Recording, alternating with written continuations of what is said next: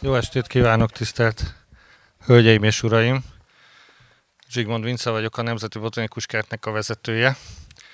Nagy örömünkre szolgál, hogy eljöttek és megtiszteltek bennünket azzal, hogy a Kert a Köbön esemény sorozatnak a második epizódján részt vesznek. A mai esnek a címe Fentarthatóság nézőpontjai összehangolva, és engedjék meg, hogy bemutassam a vendégeinket.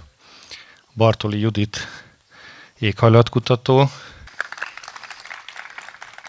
Szőlősi Nagy András hidrológus,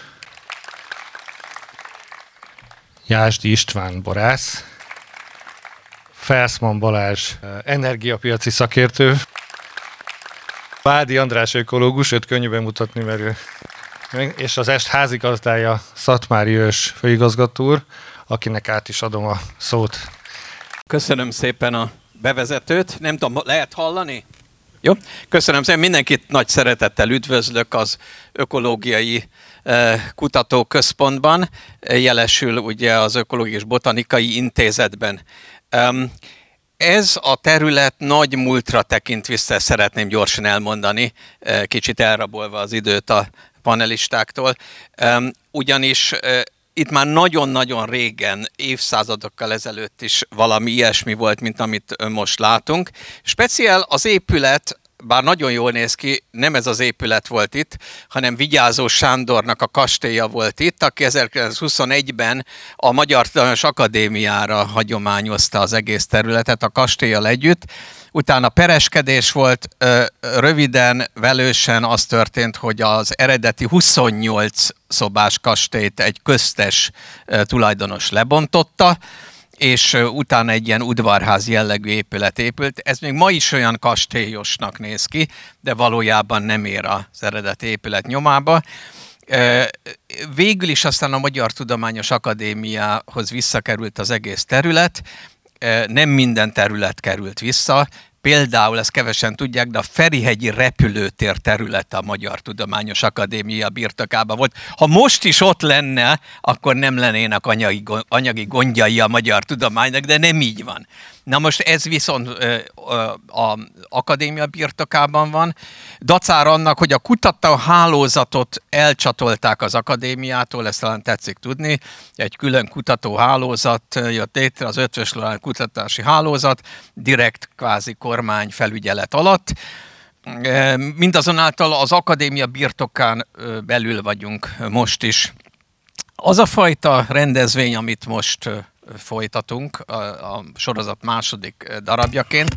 Ennek az álma először 2019-ben született meg, akkor még az akadémiához tartoztunk, és szeptemberben, 2019. szeptemberében szerettünk volna a Tihanyi intézetben egy ilyet szervezni, azóta már nem az akadémiához tartozunk, és azóta már a Tihanyi Intézet se tartozik a, hozzánk, de utána jött az ötlet, hogy akkor kihasználva a Vácrátóti helyszín előnyeit, akkor amit Tihanyba gondoltunk, akkor talán jó lenne, hogyha Vácrátóton valósítanánk meg. Na ennek a boldog tanúi vagyunk ma.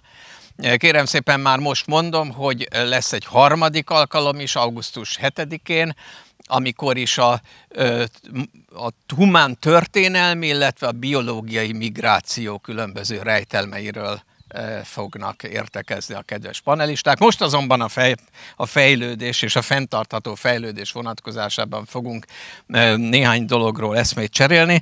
Én bele is vágnék az első kérdéssel. Az első kérdés az, hogy miért különleges a helyzet ma? Ez nem egy triviális kérdés, megmondom őszintén, mert ugye, ha történelembe visszamegyünk, akkor régi görögöknél lehet olvasni, hogy micsoda borzalmas helyzet van, a mai fiatalok semmire se jók, és úgy gondolja az ember, hogy az úgy állandóan csúszott ez az érzés.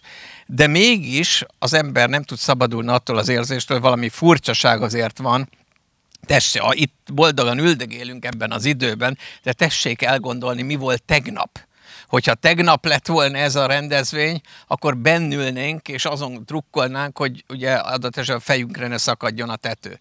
Tehát van az emberben egy rossz érzés, hogy itt objektíve különleges a helyzet, és akkor azt kérdezném meg az itt lévő kedves kollégáktól, hogy igaz ez az érzés? Hát mondjuk kezdjük hölgyek az elsőbség, a meteorológus vonatkozása. Tessék. Úgy gondolom, hogy mindenképpen különleges a helyzet, pláne hogyha a jövőbe tekintünk, és az egészet egy az elmúlt 30 évet is egy folyamatnak tekintjük, ami a jövő felé folytatódik. Először is, ha csak mért adatokat nézünk, akkor is olyan szélsőségek fordulnak elő, amelyek nagyon-nagyon régen és nagyon-nagyon ritkán kéne, hogy előforduljanak, és ennek ellenére újból és újból és egyre gyakrabban előfordulnak. Akár csak azt mondjuk, hogy a hőhullám, ugye mindenki tudja már, hogy ez micsoda, minden országra külön definíció létezik, és hogyha, bár ez a fogalom nem létezett még az 1960-as, 70-es években, de hogyha megnézzük, hogy akkor milyen gyakorisággal hogyan fordultak elő a hőhullámok, akkor volt úgy, hogy 10-15 évig nem volt. Most pedig az elmúlt években előfordult, hogy egy nyáron volt 7-8 olyan hőhullám, amiből olyan is volt, ami még szeptemberben is átnyúlt. Tehát, hogy valami változik, ez nem a bizonytalan modelleknek a elénk festett képe, hanem a mért adatok világába tartozik, és tény. Tehát nem lehet letagadni, hogy egy nagyon jelentős mértékű globális szintű melegedés van, ami különösen a szélsőségek gyakoriságában és, és intenzitásában jelenik meg, hogy gyakrabban és nagyobb intenzitással fordulnak elő. Szerintem abba hagyom. Köszönöm, köszönöm szépen. András, miért különleges ez a, az időszak itt az antropocénben az ökológus szempontjából? Először, ugye, mint ökológus személy, a saját személyes uh, pont, nézőpontomat mondom el, nekem ez egy nagyon különleges alkalom. Az én irodám ugyanis itt van ebbe az épületbe, egész zseniális helyen, és ugye gyakran van, hogy valami ünneplünk egy cikket, vagy születésnapot, és kocintanunk kellene, de ugye én kocsival járok. Nekem ez hihetetlenül különleges alkalom, hogy némi, jaj, hogy némi otthoni segítsége sikerült ilyen estét részt, így részt venni, úgyhogy ezt nagyon szépen köszönöm.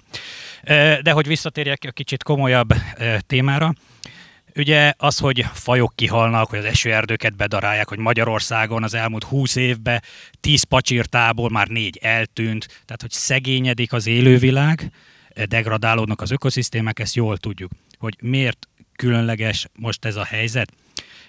Azért, mert ugye régóta tudjuk ezt a problémát, sőt, fél évszázada volt az első nagy ENSZ konferencia 72-ben, ami kimondta, hogy az emberi környezetet óvjuk meg a jövőnk érdekébe. És lényegében semmi változás nem történt. A mostani különleges helyzetet egy icipici valami adja, a vírus. Ugyanis mindig az volt, hogy ahhoz, hogy egy fenntartható pályára állítsuk az emberiséget, rengeteg sokat kéne változnunk, rengeteg pénzbe kerül, ezt nem tudjuk megcsinálni. És most itt jött ez a kis vírus nekünk, fejreállította a gazdaságot, a G7 vagy G8 vagy nem tudom, mik országvezetői összeültek, és trillió dollárokat mondtak, hogy rengeteg pénz van, csak, csak oldjuk meg ezt a problémát. Tehát azért különleges szerintem ez a helyzet, mert fél évszázad egyezmények, meg, meg különböző konferenciák után, hát lett egy bizonyíték arra, hogy nem csak beszélni lehet, hanem lehetne tenni is, ha megvan rá az akarat. Ugye mondjuk egy évvel ezelőtt ezt kicsit optimistában mondtam volna, most már nem vagyok annyira optimista, hogy valóban ezt a következtetést levonták a világvezetői. Minden esetre változtatni kell, és most ez egy ilyen szempontból különleges időszak, mert lehet változtatni. Ha megvan az akarat, van pénz, a mi viselkedésünk is megváltozott, noha most már nincs rajtunk maszk, meg találkozunk, de meg tudjuk változtatni a saját viselkedésünket, a, az gazdaság működését, átalakítani az értékrendüket, egészség, élelmiszer és a szükséges tudás, ami fontos. Nem feltétlenül, bár roppant kellemes kiugrani Rómába egy hétvégére. Köszönöm. Köszönöm szépen. Um, a, azokat a változásokat, amit látunk, a nem kis részben mi magunk iniciáltuk azzal például, hogy a széndiokszidot pumpáljuk nagy intenzitással a légkörbe a, ennek vitathatatlanul erős kapcsolata van azzal, hogy hogyan nyerjük az energiát, mivel mennek az autóink, mivel fűtünk.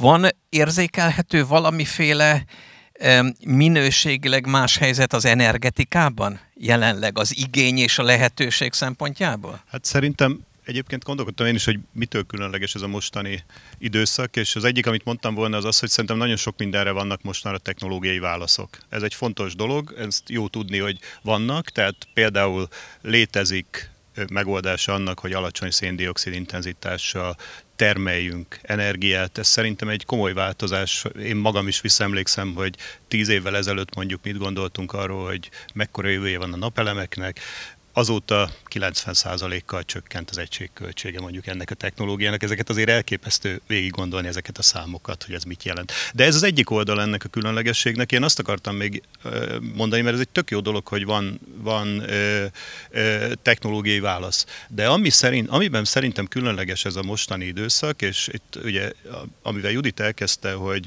hogy az egy nagyon fontos, hogy, hogy a tények mit mondanak, és hogy egyre kevesebben vannak, akik vitatják ezeket a tényeket, és hogy ez a egyre kevesebb, ez, ez azt is jelenti mostanra, hogy akár a politikai, akár a gazdasági döntéshozókat, hogyha nézzük, egyre többen ismerik föl azt, hogy most már tényleg tenni kéne valamit, és ez már nem csak az, hogy felismerik, hanem megszülettek ugye erre vonatkozó szabályok. Őrs most kérdezted, hogy széndiokszid nézzük meg mondjuk a 2030-as eredeti magyar klímatervet, egy rendkívül ambíciók nélküli klímatervet sikerült elfogadni a magyar kormánynak. Tulajdonképpen, hogy értse itt a közönségünk is, az a vállalás, amit tett Magyarország, az gyakorlatilag a Mátrai szénerőmű bezárása volt, aminek egyébként is lejárt a, a működési engedélye 2025-ben. Tehát valójában az a megtakarítás, amit mondtunk, hogy ennyit fogunk megtenni, az ennyi volt.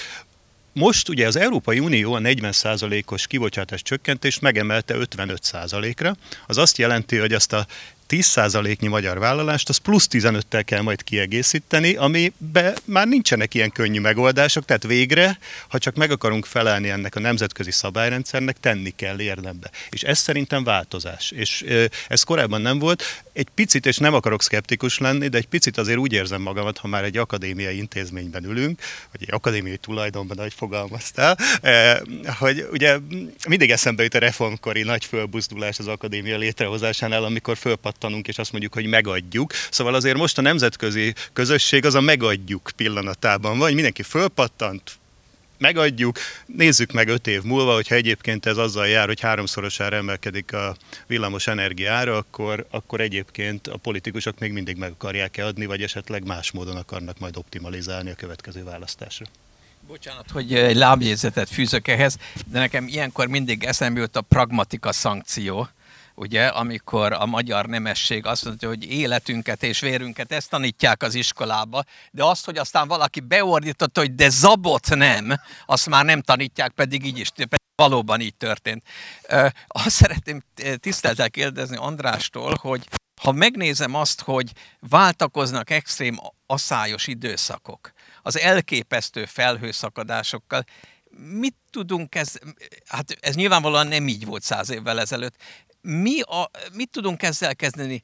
Most komolyan kérdezem, lesz mondjuk 10-20 év múlva rendes ivóvíz? Tudunk öntözni? Egyáltalán mi lesz itt? Hadd kezdjem a jó hírrel. Olyan különleges helyzetben kerültünk ezekben az esztendőkben, amiben az emberiség soha nem volt a történelme során.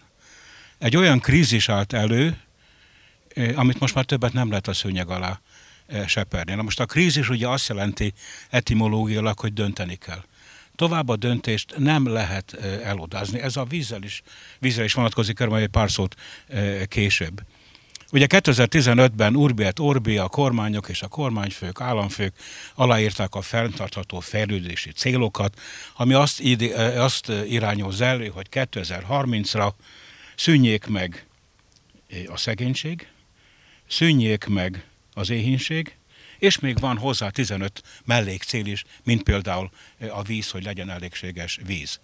Már a 5 év után, amikor a, a, a, a nagy ceremoniális aláírás történt a, a, az ENSZ közgyűlés termében New Yorkban, 5 év után tudjunk, hogy letértünk az útról. 2030-ra ezeket a célokat nem fogjuk elérni. Jó lehet, pénz van elég, amire mások meg azt mondják, hogy igen ám, csak a, a, a, a gazdagságnak a 80%-a 80 család kezében van. Tehát a társadalmi viszonyok alapvetően befolyásolják az elérhetőséget. Víz lesz elég Magyarországon. Víz nincs elég Szubszahara Afrikában vagy, vagy Ázsiában. Árvizek lesznek? Gyakrabban lesznek. Asszályok lesznek? Gyakrabban lesznek. Voltak éppen az történt, amire Judit is utalt, hogy a hidrológiai ciklus, a víz körforgása felgyorsult felgyorsult a klímaváltozás következtében, aminek a nettó eredménye az, hogy megnőtt a szélsőségek előfordulási valószínűsége. Azon közben a vízmennyiség ma ugyanannyi a Földön, mint a holocén elején volt. De az eloszlása más még egy olyan kicsi ország területen, mint Magyarország. Amit várunk, az az, hogy Tiszántúlon lényegesen megnő az ariditás. Sokkal szárazabb lesz a terület térben és időben, míg Pannoniában nedvesebb lesz. Sokkal gyakrabban fognak előfordulni olyan árvizek, amit eddig nem is észleltünk. Rinyapatak tavaly, Rinyapatak árvize. Magyarországon az árvizek általában a Dunához, a Tiszához, meg kisebb vízfolyásokhoz, de az nem volt veszélyes. Nos, ezeknek a, a, a szélsőségnek az előfordulása az, amire nem vagyunk felkészülve. Ebből adódik a következő kérdésem, hogy e, vajon, ha én most a Balatonnál akarok venni ingatlan telket, e, ültessek-e például még olyan szőlőt, amiből Riesling lenne, vagy egyáltalán vegyek-e ott még üdülő területet? Hát ne vegyél. Most ez az elmúlt év ez nem csak a klímaváltozásról szólt, hanem a, a járványról is, és a pénzügyi befektetők megszállták a Balatont, és mindent, amit meg lehet venni, megvettek, és nem tesz jót a, se a borvidéknek, se a Balaton felvidéknek, se az ott élőknek, az, hogy azok a pénzemberek, akik eddig Marbellán elköltötték a pénzüket, és azok most megérkeztek a felhajt, felhajtott gallérral is homlokra feltont szemüveggel, napszemüveggel a Balatonra, és ugyanazt várják el a Balatonon is. Nem tudja a Balaton. A Balaton az két köbkilométer víz, ez a két köbkilométer víz egy ilyen erősebb párolgási napon képes másfél-két centi csökkenni, egy ilyen hét alatt lemegy 10 centi, a, nincs ahonnét utánpótlás folyjon bele, az ala az egy kis erecske, ami nem képes arra, hogy vízzel lássa el. A balatoni borvidék fele eltűnt egyébként, mert eddig is gazdasági épületeket épület, építettek a, a szőlőkben, mindig azt mondják, igen, hát a piacsal nem lehet szembe menni, ez egy kicsit válasz a kérdése is. A piacsal tudnak szembe menni a Genfi partján, pedig a piacot kitalálták a svájciak is. Csak ők azt is tudják, hogy vannak olyan értékek, amiket nem lehet a piacnak alávetni. Tehát a piac megold nagyon sok gondot, meg, megoldja a mikrogazdaság gondjait, nem képes a, a közjót szabályozni, és akkor miután nem tetted fel a legjobb kérdést, amiről a legtöbbet kellett gondolkozni, azt, hogy miért különleges a helyzet. Hát azért különleges a, a helyzet manapság, mert én ebben a korban élek. Ez a mi életünk. Tehát ennyiből mindenképpen különleges. Köszi szépen.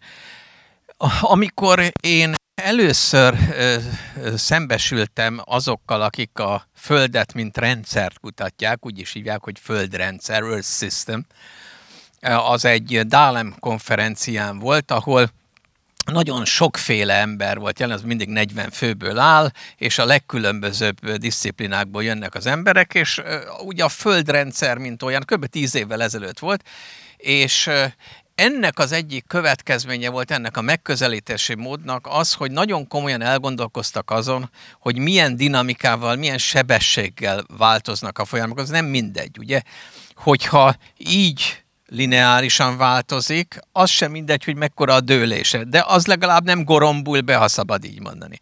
ha így növekszik, ugye, ez az exponenciális növekedés, ahogy a baktériumok is szaporodnak, ha hagyjuk őket, na, az már baj, mert úgy érzi az ember, hogy úgy, úgy egyre inkább rosszabbodik a helyzet, tehát magyarán növekszik a sebessége a változásnak. De még van ennél rosszabb is. Tehát az utóbbi időben egyre fontosabb szerepet kap aznak a fogalomnak az elemzése és a dinamikában annak a demonstrálása, amit úgy hívnak, hogy tipping point, tehát az átbillenési pont. Az átbillenési pont lényegében az, hogy mondjuk mi változtatjuk a földrendszert, mondjuk a széndiokszid pumpálásával, és a földrendszer ez persze változik, és ennek a hatására egyszer csak egy olyan hirtelen változás következhet be, amit már nem lehet visszafordítani. Tehát ilyen például, hogyha egyszer elkezd mondjuk a grönlandi jég olvadni, akkor annak a visszafordítását nem nagyon lehet remélni. A rossz hír az, hogy vannak ilyen átbillenési pontok, amelyeken akkor is át fogunk billenni, úgy tűnik, hogyha betartanák a Párizsi Klímaegyezménynek a, a rendelkezéseit. Na most, hogyha azt se tartjuk be, akkor több ilyen átbillenés következik be, és van egy harmadik, az a legszörnyűségesebb forgatókönyv, amikor arról van szó, hogy a földrendszer egész át tud billenni egy meleg, úgynevezett meleg üvegház állapotba, akkor aztán már csak ugye a harangok értünk fognak szólni, de már nem lesz nagyon, aki ezt fogja élvezni. Most egy szeretnék önkéntes alapon egy kommentárt kérni, hogy ki hogy szembesül adott esetben ezekkel a drasztikus átbillenő folyamatokkal a saját területén? Kezdeni? Kezdjem? Judit. Jó. Uh, valóban ezek az átbillenő pontok, vagy átbillenések nagyon nehezen, nagyon nehéz helyzet elé állítanak, és eleve nagyon nehéz megállapítani, hogy mi fog történni. Középiskolai fizikából mindenki találkozott ezzel a stabil, instabil, ugye, hogy kibillentünk egy, egy golyócskát, és hogy akkor ugyanoda gurul vissza, vagy átmegy egy másik lukba, Ugye ugyanez van az éghajlati rendszerrel. Mi emberek itt pöcögtetjük, hogy úgy mondjam, ki-kibillentjük az egyensúlyból a rendszert, és kérdés, hogy hol van az a pont, ahonnan már nincs visszaút, tehát a visszafordíthatatlansági küszöbértéke hol van ennek az éghajlati rendszernek. És az előbb említett Párizsi éghajlati egyezmény megállapodás az pont erről szól, hogy jelenleg az a szakmai konszenzus, hogy a 2 Celsius fokos melegedés, tehát a globális szintű 2 fokos melegedés az a bizonyos visszafordíthatatlansági küszöbérték. Ezért a Párizsi Egyezmény erről szól és ebben ért egyet szinte az egész világ. A Párizsi Egyezményt 197 ország írta alá, ami majdnem az egész világ. Tehát egyszerűen úgy döntöttek szinte minden ország vezetői, és ezt ratifikálták, tehát a helyi parlament, helyi szenátus jóvá hagyta, hogy mi nem akarjuk, hogy eljussunk a visszafordíthatatlansági állapotba, mert utána nem tudjuk pontosan, hogy mi hova áll be, hol van a következő stabil állapot. És ezért ez egy óriási nagy dolog, hogy próbáljuk meg betartani ezt a Párizsi Egyezményt, és persze van egy vonulat, ami a, a ipari nagyvállalatokat ö, jelenti, van, ami az energiaszektort, van, ami a kormányokat, de minket, embereket is egy nagyon jelentős döntési helyzet elé áll. Tehát, hogy azt akarjuk, hogy a párizsi megállapodás ö, megvalósuljon, és ne lépjük túl ezt a két fokot, fokos melegedést, akkor nekünk minden egyes embernek a saját életébe nagyon komoly döntéseket kell meghozni. Erről majd még beszélünk később. Az átbillenési pont az voltak éppen az a pont, amit a pilóták úgy hívnak, point of no return elfogyott a kerozin, nem tudunk visszatérni, le fog esni a gépünk. Vagy pedig, ha egy meredélyen kidugják a fejüket, akkor még semmi baj nincs. Ha kidugják a mellükig, még akkor sincsen be. Ha kidugják a hasuk közepéig, még akkor sincsen baj. Ha egy kicsit kijebb mennek, puf, lezuhannak a szakadékba. Ezek nem, nem lineáris folyamatok, amik elég jól előrejelezhetők. Tíz évvel ezelőtt jelent meg a, a Nature-ben egy nagyon érdekes cikk, egy svéd reziliencia kutató ö, tollából, ö, aki az alapvető környezeti elemek visszatérhetőségét vagy átbillenési pontjait próbálta azonosítani, és arra a megállapításra jutott, hogy ami a biológiai sokféleséget illet, illetőleg annak a csökkenését, már túl vagyunk a visszatérési ponton, akkor, ez tíz évvel ezelőtt volt még a Párizsi megállapodás előtt, a üvegházgázok koncentrációja 350 ppm volt, és az már túl volt az átbillenési ponton, most 460 valamennyi. Ami például a vizet illeti, azt mondta, hogy semmi gond nincs, mert az éves víz felhasználás globálisan 2000 köbkilométer, és mindenféle szimulációs modellek felhasználásával arra jutottak, hogy kb. 4000 köbkilométer vízfelhasználás az, ami az átbelenési pontot jelenti. Hölgyeim és uraim, két év múlva elérjük a 4000 köbkilométer vízfelhasználást. Ezek a folyamatok nem fenntarthatóak. Ha túl vagyunk a, a két Celsius fok hőmérséklet növekményen az évszázad végére, akkor, akkor összesnek a rendszerünk. Ha 6 fokot érünk el, akkor, akkor ez olyan instabilitások következnek, már, már pedig ez egy, ez egy lehetséges szenárió. Ugye e, például az egyik konzekvenciája. Elsőnek elolvadnak az alpig lecserek, megnő a Duna vízhozama. Utána az alpig lecserek nem adnak vízutánpótótást, csökken a vízhozam, asszály keletkezik be. Most ezek, ezek valós szenáriók. Judit biztos fogja mondani azt, hogy a az érzékeny e, térségek tulajdonképpen az északi, e, a, a nordikus országokban vannak, de van egy észak-kelet-délnyugat gradiens, ami az optimista szenárió szerint három fok hőmérséklet emelkedést fog eredményezni Magyarországon, Közép-Európában, a pessimista szenárió szerint 5 és 6 fokot. Akkor meg belengenek a rendszereink. És akkor tulajdonképpen vége van a, a játéknak. Mik a meghajtók?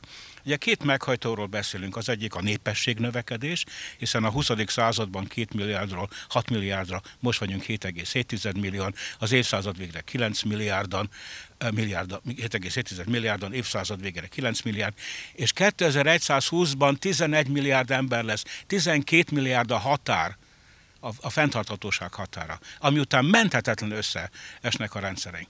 Na most a, a Párizsi Egyezmény pontosan ezért fontos, és ezért volt rettentesen szomorú hír, hogy az Egyesült Államok kitrampolt a, a, az egyezményből.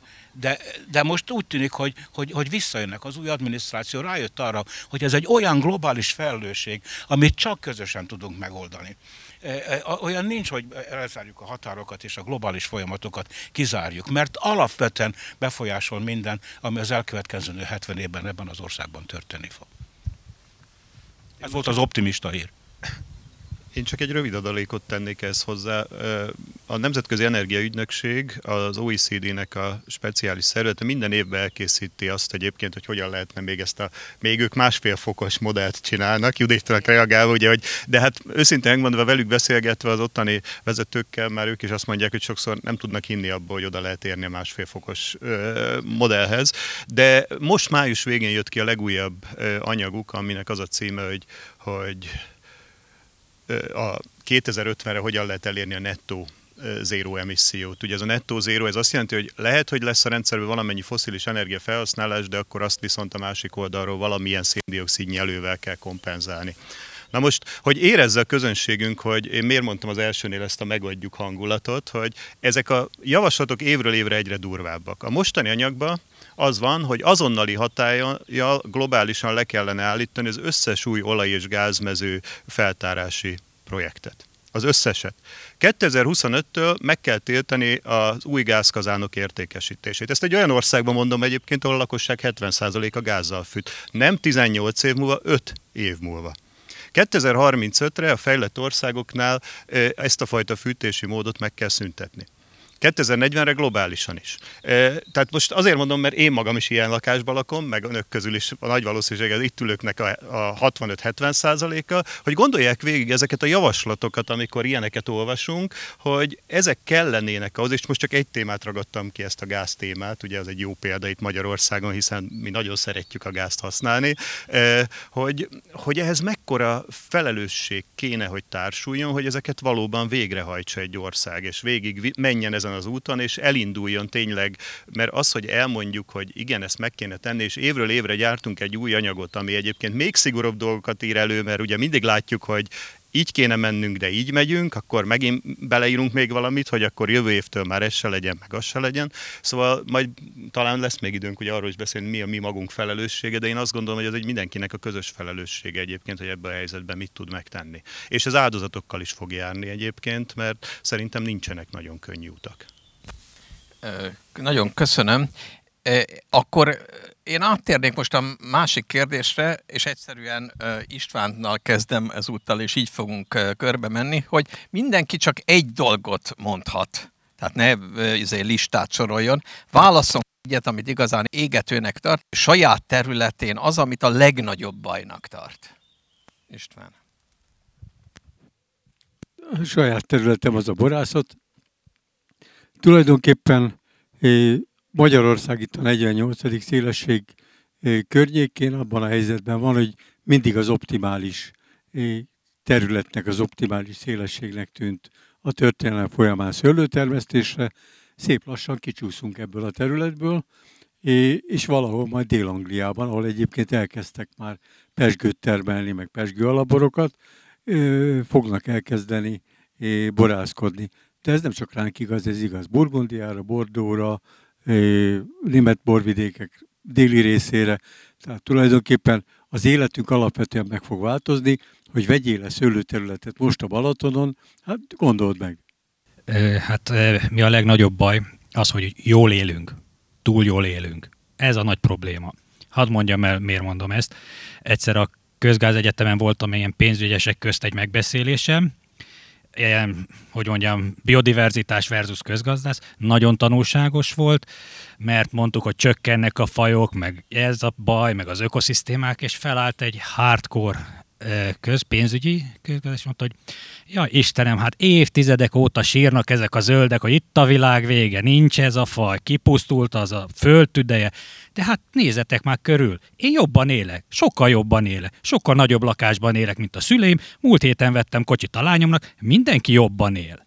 Nem így van? És amíg jobban élünk, addig nem fogjuk megoldani azt a problémát, hogy valahol a zöld környezetben kevesebb faj van. Lehet, hogy mi mondjuk észsel felfogjuk, hogy ajaj, valami baj lesz, és előbb-utóbb begyűrűzzük, majd cukornádat meg rumot fogunk termeszteni, tehát megváltozik a világ, de az, hogy valós változást elérjünk, amíg jól élünk, addig nem fogjuk megtenni. Megint csak a vírus mondom, az kicsit meglökött minket a katasztrófa felé, már is nagy változások történtek, amiket most igyekszünk visszarendezni, és az egészet elfelejteni. Tehát, na ez a baj. De ez egy másik történet. Hát most közgazdászként meg kell védenem a szakmánkat, vagy az én szakmámat egy picit, mert hogy azért Szóval, amit mondasz, én azt gondolom egyébként, hogy, hogy azért ebben nagyon sok változás van, és én azt akartam mondani legnagyobb bajnak, hogy szerintem az a legnagyobb baj, ameddig egyébként nem fizetjük meg ennek az átállásnak a költségét, és ameddig egyébként például az energia költségénél nem szembesítenek velünk nem szembesítenek bennünket azzal, hogy egyébként ez ténylegesen mibe kerül. Mert addig pazarolni fogjuk, nem fogunk rá odafigyelni, és pont azért mondtam, hogy egy kicsit most mondok ellen neked, mert például most, hogyha megnézzük, akkor az, amit mi lakosságként rezsicsökkentett árba fizetünk, az 13 forint, miközben a tőzsdei ára már az 36 és 13-at fizetünk a, a helyett arra termékre, amit most 36 ér lehet megvenni a tőzsdén, és egyébként azért 36, mert ez egy, és ez egy közgazdász vívmány, mert a széndiokszid kvóta ár az egekbe ment, ami egyébként ugye pontosan arról szól, hogy hogyan lehet mégiscsak bevinni a gazdaság vérkeringésébe valami nehezen materializálható dolgot, és azzal, hogy megdrágította az Európai Unió ugye a széndiokszid kvótát, megszüntetett egy csomó ingyenes allokációt, energiatermelő erőmű most már nem kaphat ingyen kvótát, tehát vásárolnia kell, szigorítják folyamatosan, ez ugye beépült az árakba. És viszont ez akkor fejti ki igazából a hatását, és ez tudom egy rossz hír, mindannyiunknak egy rossz hír, hogyha valaminek emelkedik az ára, de ennek egyébként a filozófiai oldal az ott van, hogy ha megfizetem ugye annak a költségét, hogy ez tényleg szennyezek, és ez is ezzel okozok egy kárt, egy negatív externáliát, akkor egyébként erre azért vannak válaszok szerintem, gazdasági válaszok, és szerintem pont az a legnagyobb baj egyébként, és ez erre utaltam az első kérdésünknél is, hogy nekem az a legnagyobb félelmem, hogy amint a politika szembesülni fog ennek a társadalmi hatásával, egy nagy 180 fokos fordulat lesz. Most olyat mondok, amihez, nem sok köze van a meteorológiának vagy a éghajlattannak, de úgy érzem, hogy valóban ez, e, itt ez a legszűkebb keresztmetszet, hogy 7,6 milliárd ember él a Földön, és ezeknek a legnagyobb hányada nem ismeri ezeket a folyamatokat. Tehát a leges-leges legfontosabb, hogy minél több ember megértse, hogy mi a tét, megértse, hogy mi a probléma, megértse, hogy így nem megy tovább, és akkor onnantól kezdve lehet elkezdeni cselekedni, mert ugye itt többször is elhangzott, hogy maga a cselekvés késlekedése sokkal nagyobb kényszert, sokkal nagyobb lépéseket, sokkal nagyobb megszorításokat fog eredményezni. Minél később fogjuk föl, hogy hol állunk és mit kell tennünk, annál nagyobb dolgokat kell tenni, és annál jobban fog fájni. És ö, ö, ez nem kettő, csak ut- utalnék egy korábbi megjegyzésre, hogy, hogy az biztos, hogy olyan világban, amiben most élünk, hogy, hogyha egy ö, ö, mérleg serpenyőjébe tesszük a, a föld ö, szegényebb felének az összvagyonát, és elkezdjük fölülről a leggazdagabbak vagyonát belehelyezni a másik serpenyőbe, akkor az lehetetlen, hogy nyolc ember legyen a másik serpenyőbe. Tehát ilyen világban biztos, hogy nem lehet élni, és hogy ez valami elviselhetetlen. Tehát ezen kéne nem tudom, hogy kell változtatni, de hogy ez nem a, a fenntartható fejlődés irányába mozdítja el a dolgokat, az teljesen biztos. Tehát az emberiség felének az összvagyona, szegény felének az összvagyona, és a serpenyő másik felében az el, a nyolc leggazdagabb ember összvagyona. Tehát e, biztos, hogy senki nem ilyen világban szeretne élni, mondjuk kivéve azt a nyolcat, aki ott van. Jó, köszönöm. Egy pillanatra visszatérve a borászatra, sokan úgy tartják, hogy a, a klímaváltozás legnegatívabb következménye az lesz, hogy a britek elkezdenek megint bort készíteni. E, ez utoljára Julius Caesar ideje, akkor volt egy melegebb per, és hát az nem működött. Nos, a, nem szeretnék tényleg semmiféle pánikot kelteni, és ezt hagyd mondom rögvest, azt, hogy Magyarországnak nincsenek nagyon fontos víz problémái. Magyarország a, a mezőny közepén van. Persze Kanada 120 ezer köbméter per fő per évhez képest, a mi 12 ezer köbméterünk az kicsi, de még mindig több, mint ami Jordániában van 70 köbméter évente fejenként. Tehát itt nem, nem látni gondokat. A gondok valószínűleg ott vannak, hogy a vízkészletünknek a 90%-a felszín alatt van és egy rend, tehát óriási készlet, de rendkívüli sebezhető. Nemrég fogadott el a parlament egy olyan törvényt a mezőgazdasági lobby hatására, ami lehetővé teszi azt, hogy vízengedélyek és hidrogeológiai felmérések nélkül össze lehessen fúrni a vízadókat 80 méterig. Az első vízadó Európában is, itt is, teljes a talajvíznek nevezett dolog, teljesen el van szennyezve, el van nitrátosodva. Tehát azzal, hogy összefúrjuk a kutakat, a felső szennyeződést mi magunk vezetjük be a tiszta készletekhez, és gyakorlatilag az elkövetkezendő három generáció generáció vízkészlet bázisát tesszük tönkre. Ez nagy baj. Nem mondom, hogy köszönöm szépen, mert nincs, nincs benne sok köszönet. Um, e, próbáljunk egy kicsit uh, itt a különböző társadalmi szférák közötti uh, kapcsolatokról beszélni. Néhány dolog jut eszembe ezzel kapcsolatban. Az egyik az, uh, ugye Gandhi uh, nagyon artikulált ember volt, és rendkívül szellemes is, több szellemes aranyköpés fűződik a nevéhez. Az egyik az, amikor megkérdezték, a britekről van szó, hogy mi a véleménye a brit civilizációról. Akkor azt mondta, hogy British civilization? It would be an excellent idea. Tehát a brit civilizáció, ez egy kiváló ötlet lenne. Na, a, a, a, a második viszont az minket illet. Megkérdezték azt, hogy mikor fogja India életszínvonala elérni Nagy-Britanniájét. Akkor azt mondta, hogy nézzék, Nagy-Britannia életszínvonalához a nagyjából a félvilág leigázása és kizsákmányolása kellett. Tessék elképzelni, hogy India méretű ország számára mekkora területet kellene leigázni, hogy azt az életszínvonalat elérjük. Na, ez már mutat a fenntarthatóság egy mélyebb problémája felé e, valami érdekeset. És akkor ugye ott van a, a jelenlegi politikai rendszereknek a, ugye egyrészt az instabilitása, amit mindenütt látunk, és van egy rendszer probléma, amiről én semmiféle politológiai meggyőző választ még senkitől nem kaptam. Ez a következő. Ahogy már Brit, ugye Churchill mondta, az egyik dolog az, hogy hát borzasztó rendszer ez a demokrácia, csak éppen még mindig a legjobb egyrészt. Viszont azt is mondta, hogy a demokrácia elleni legjobb ellenérv az, hogy az ember öt percet beszélget egy átlagos választóval. Hát ezt ugye a gyakorlatból is tudjuk. Ezzel szemben most gondoljuk arra, hogy luxemburgi Zsigmond fél évszázadig ült Magyarország trónján. Magyarán, hogy a luxemburgi Zsigmond elcseszett valamit, akkor legnagyobb valószínűleg magának kellett megoldania tíz év múlva is, igaz-e? Na most itt négy évente cserélődhetnek a demokratikus kormányok. Az első évben keresik a WC-t a minisztériumban. A második évben, hú, most már csinálni kellene valamit, mert annyi mindent ígértünk, akkor nagy nehezen kiválasztják azt a néhány dolgot, amit, ahol be akarják tartani az ígéretet.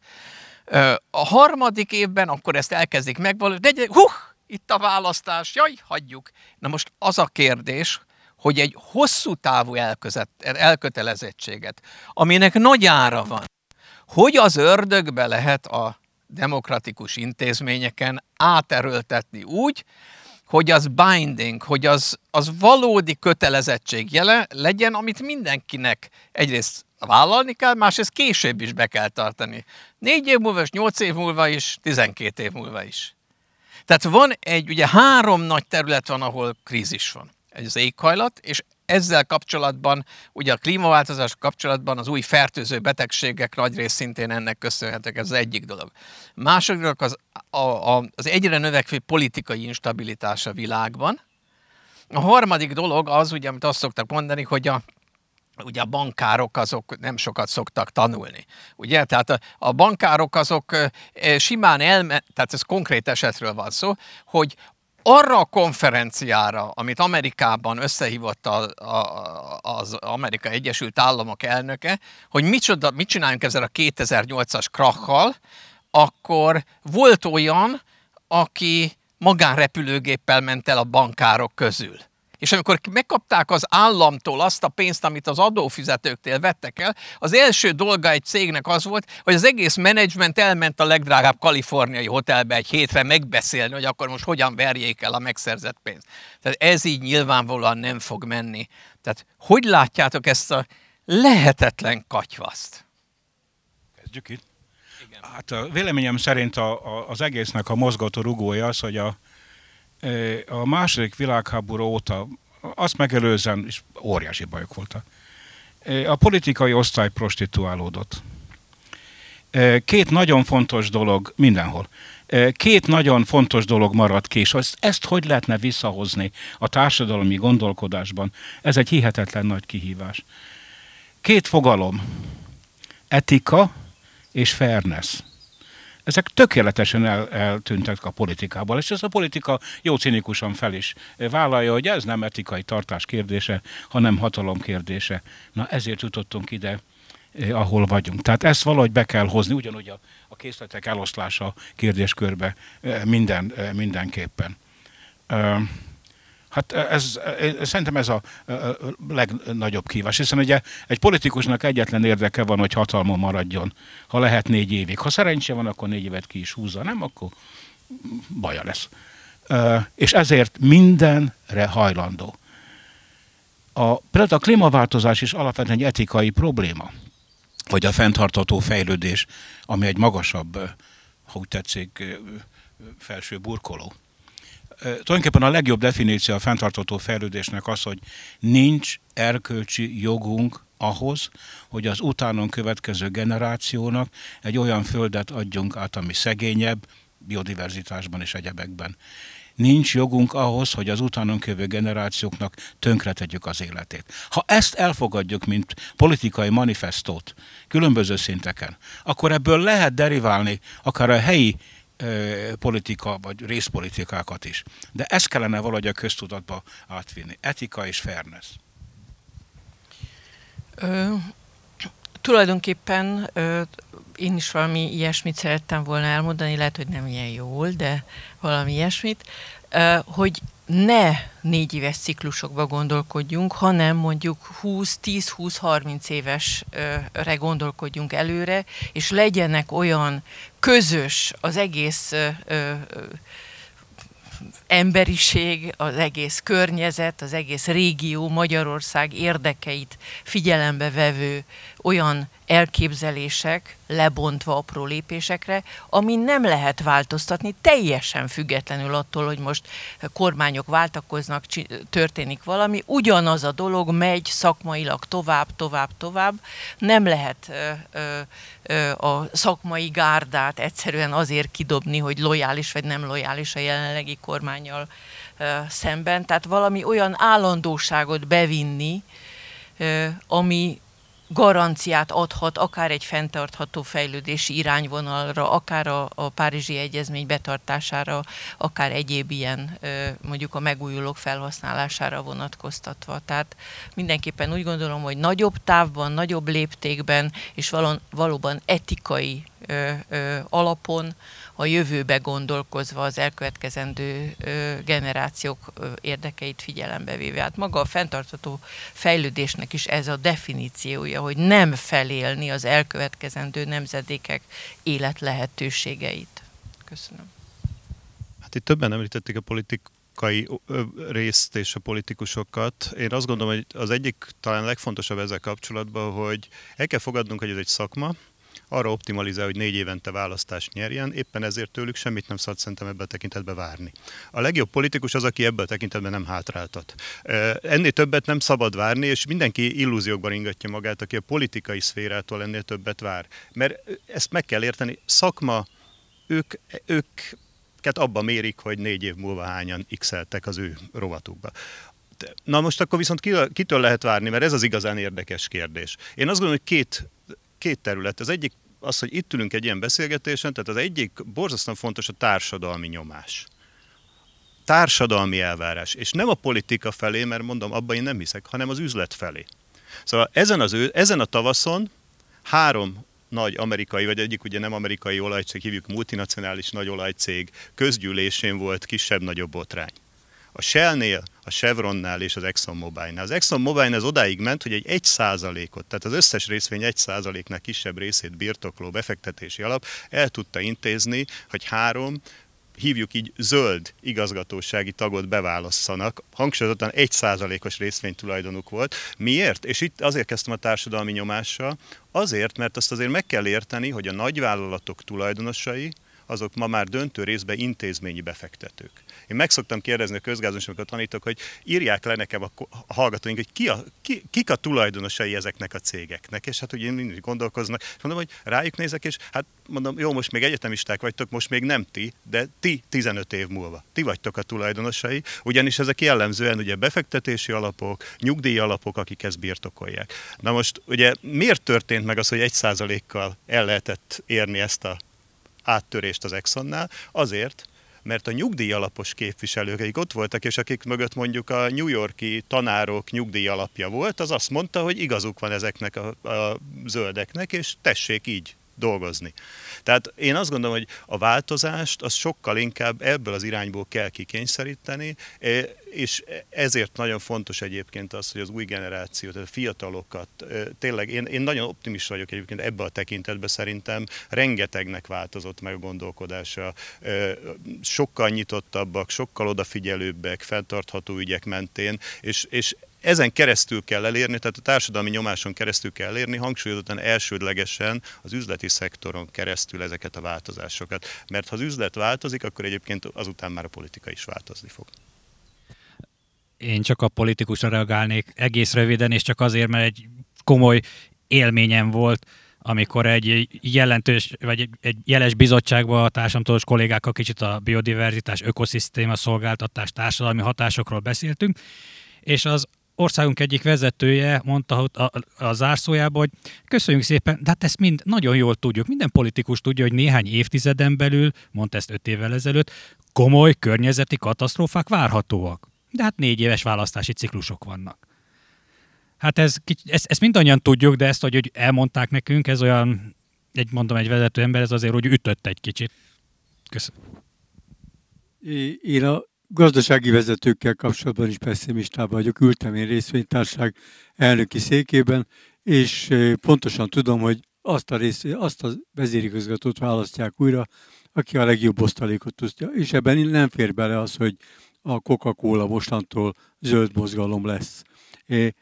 Vannak dolgok, amiket megcsinálnak, de gyakorlatilag a, a célfüggvény nem így néz ki. Tehát kifelé eljátszák azt, hogy mi vagyunk a zöldek, befelé az a, az a jelszó, hogy gyerekek, az előre az osztalékért. Na most kicsit úgy érzem magam, hogy a hatalmas tudományos háttérrel meg mégis idealisták vagyunk itt mindannyian, akik itt ülünk közösségestől és mindenestől, és vannak olyan szervezetek, vannak olyan, most a, elküldtem neked a, a Gender Studies-ról olvasott dolgaimat, vagy elolvastam, vagy 600 oldalt, mert nem tudtam mi. Meg kell tanulni az aktiviz, aktivizmust. Ez egy szakma. Tehát gyakorlatilag környezeti terroristává kell válni, ahogy, eh, ahogy szivárvány terroristává is lehet válni, környezeti terror, mert mást nem veszik észre. Tehát olyan ingerek vannak, amiket ezek a beszélgetések nem ütnek át. Odáig lehet eljutni, amit elmondtál, hogy azt mondja, ő is tudom, mert nem hülye gyerek ő, pontosan tudja, hogy ő a négy évre felelős. A vezérigazgató se, nem gonosz a vezérigazgató. Neki az a dolga, hogy eltartsa a családját viszonylag jól, de akkor tudja eltartani, hogyha megvan az osztalék, és kifizetik az osztalékot idén is. Tehát valami sokkal keményebb eszközrendszert kell fölépíteni, nyilván ezzel a tudományos háttérrel, amivel rendelkeztek, de, de kevés nagyon kevés a beszélgetés, kevés a meggyőzés, kevés a tudományos érv. Nem, itt kellene, ki kell menni az utcára. Egy borásztól ez elég hülye hangzik. Na. A következő kérdésem valószínűleg ez lesz az utolsó, és megint gyakorlatilag rövid választ szeretnék. És megint mindenkinek, mindenkit kérek, hogy a saját területe koncentráljon, hogyha ő rajta múlna az, hogy egy darab, jön egy gin, és megjelenik mondjuk Jász István előtt, és megkérdezi, hogy lehet egy kívánságod, ami egy intézkedés lesz a fenntarthatósággal kapcsolatban, és akkor a, én megígérem neked, hogy az be lesz tartva, pont. Mi lesz az a kívánság? Egyetlen dolog, betiltani minden fogyasztást ösztönző tévéreklámot. Teljesen jó. Teljesen, teljesen jó. jó.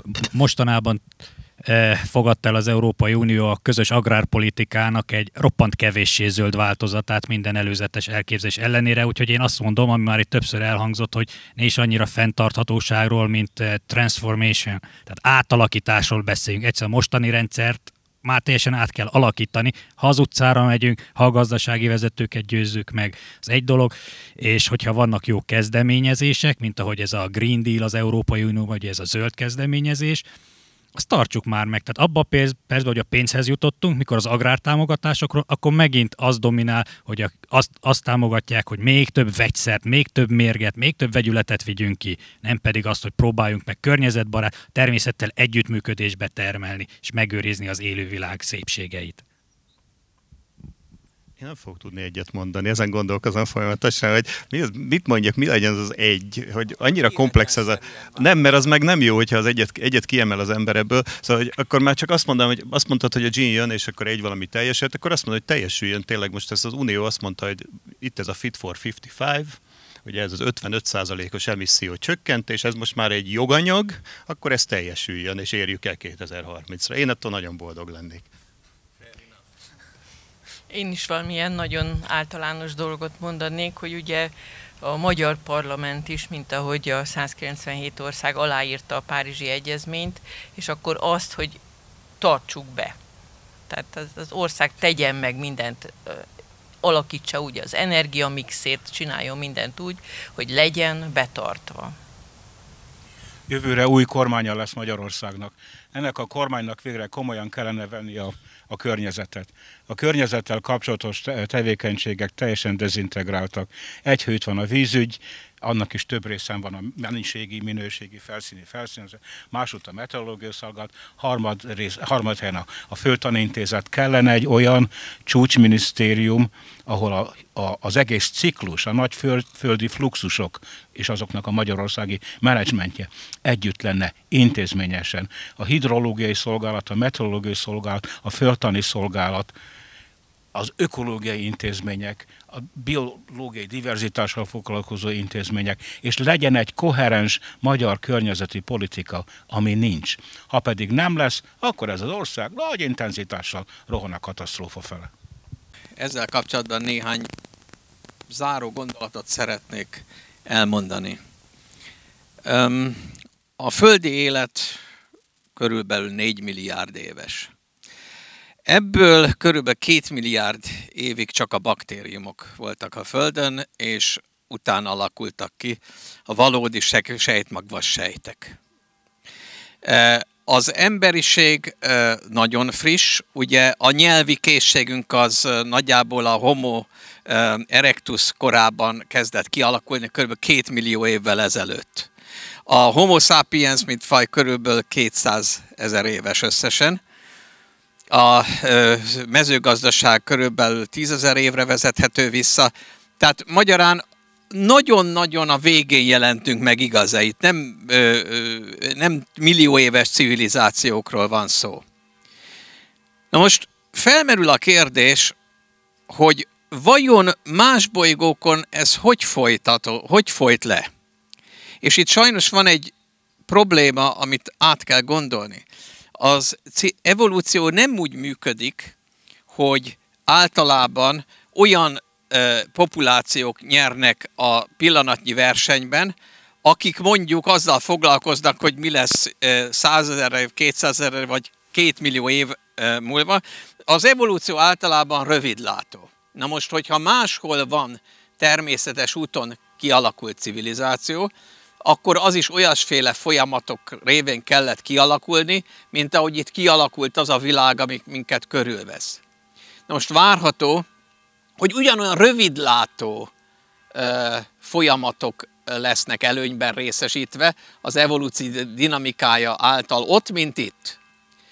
Magyarán az, hogy a saját rátermettségét akarja bizonyos értelemben mindenki az utódaink keresztül biztosítani, a baktériumtól egészen ugye a, az oroszlánig, meg a lábas fejekek, mindenki, akit illet, ugye a maga területén, mert specializáltak ezek az élőlények, az nem túl jó előjel, előjel arra, hogy hogyan tudjuk megoldani azt a példátlan problémát, hogy ne a velünk öröklött kom- kompetitív hajlamot, vagy emberek esetében a kapzsiságot kövessük állandóan, hanem jelentős önmérsékletet tanúsítsunk.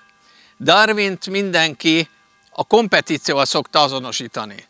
Na most ez egy nagyon szűklátókörű szemlélet, tőle ered az az idézet, nem pontosan mondom, de a lényeget igen.